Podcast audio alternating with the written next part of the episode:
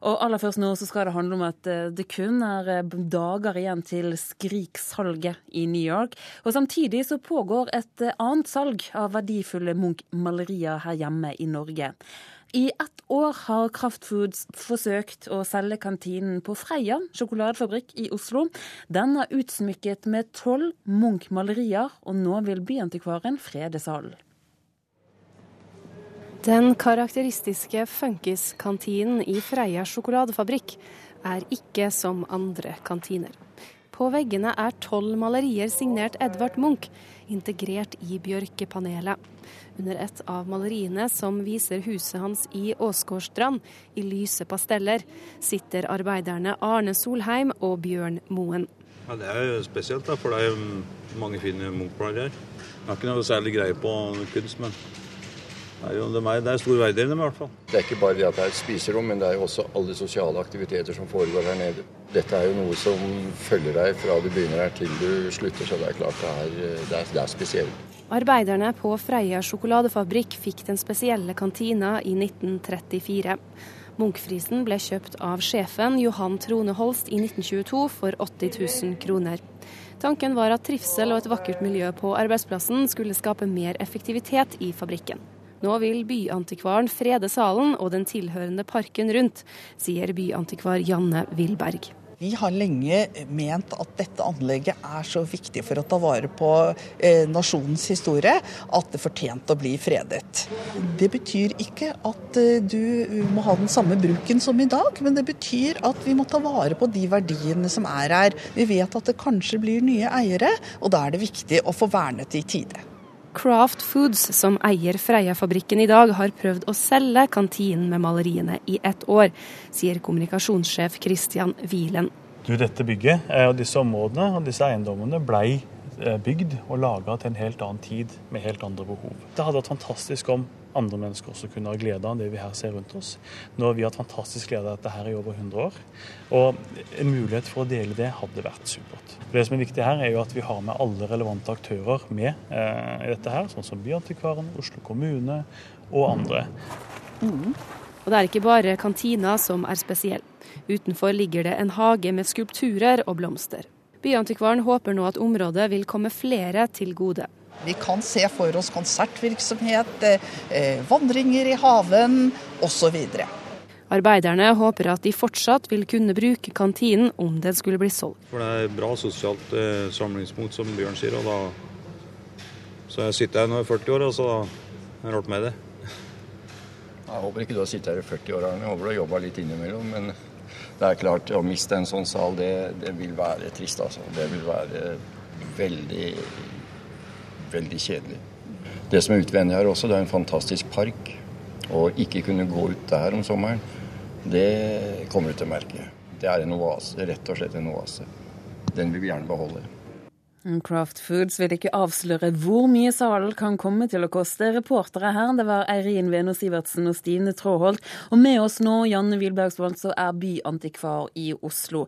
Går det egentlig an å sette en verdi på denne salen? Det tror jeg nesten ikke man kan, men det er i hvert fall ikke byantikvarens oppgave å gjøre det. Nei, men altså, Hva er det som, med dine ord som er så spesielt med denne salen?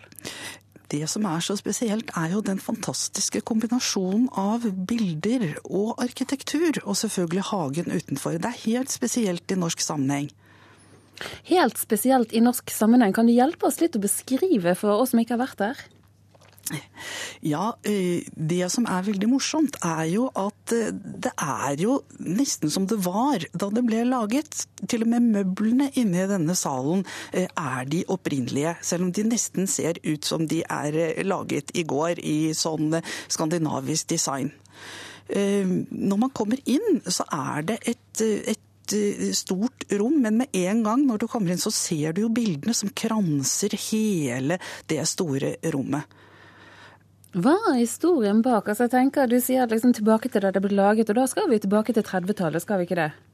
Eh, jo, skal, det skal vi definitivt. Eh, bildene eh, de ble jo laget tidligere, og så fant man ut at man skulle flytte dem da til en nybygget eh, kantine. Så dette er altså et flott samarbeid mellom arkitekten Ole Sverre eh, og Edvard Munch. Men hvorfor Munch? Hvorfor falt valget på Munch den gangen denne kantinen skulle lages?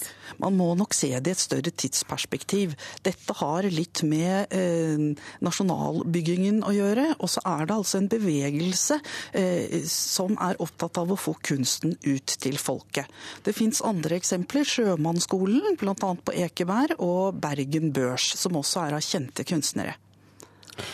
Og så står denne spisesalen og kantinen den står sterkt eh, i, i sammenheng med, med hagen utenfor. Er, hvordan er den? Eh, hagen utenfor er jo faktisk kjent for sin roseprakt, og en dag i året har man rosenes dag. Det som er morsomt er at forbildene til dette er jo ikke norske. De er faktisk fra eh, godtebutikken Cadbury i England, som hadde tilsvarende anlegg, og vi vet at Trone Holst som laget den var på studietur der. Det er litt av en historie. Det er en fantastisk historie. Og det utrolige er jo at arbeiderbevegelsen var veldig lite eh, begeistret for, for dette, selv om det i høyeste grad var tiltak for de ansatte. Men hvorfor var ikke de begeistret? Eh, Jeg tror det gikk litt på at, man, eh, at eh, Trone Holst ønsket på sett og vis å borgerliggjøre arbeiderne. Han hadde også en visjon om at de etter hvert skulle kunne få eie aksjer i bedriften. Og nå tar du til orde for å frede hele Nå skulle jeg til å si sulamitten, det var litt respektløst, men likevel, du tar til orde for en hel, å, å frede. Ja, fordi at det er sjelden man har en så flott hva skal vi si, sammenheng mellom interiører, utsmykning og et haveanlegg. Eh, og vi har lenge visst at dette var fredningsverdig. Og nåværende eier har tatt veldig godt vare på anlegget. Vi har forståelse for at det kommer nye tider og andre behov, og vi ønsker å bidra til at man fortsatt skal kunne oppleve dette inn i fremtiden. Så du ser ingen problemer med at Craft Food nå har lyst til å selge? Eh, I utgangspunktet så er det vi som er antikvarer. Vi er opptatt av at eh, verdiene blir ivaretatt. Det vi vet er at bruk kommer og bruk går. Men vi skal ta vare på de verdiene som er viktig å ta vare på. Janne Wilberg, byantikvar i Oslo, takk for at du var med oss her i Kulturnytt.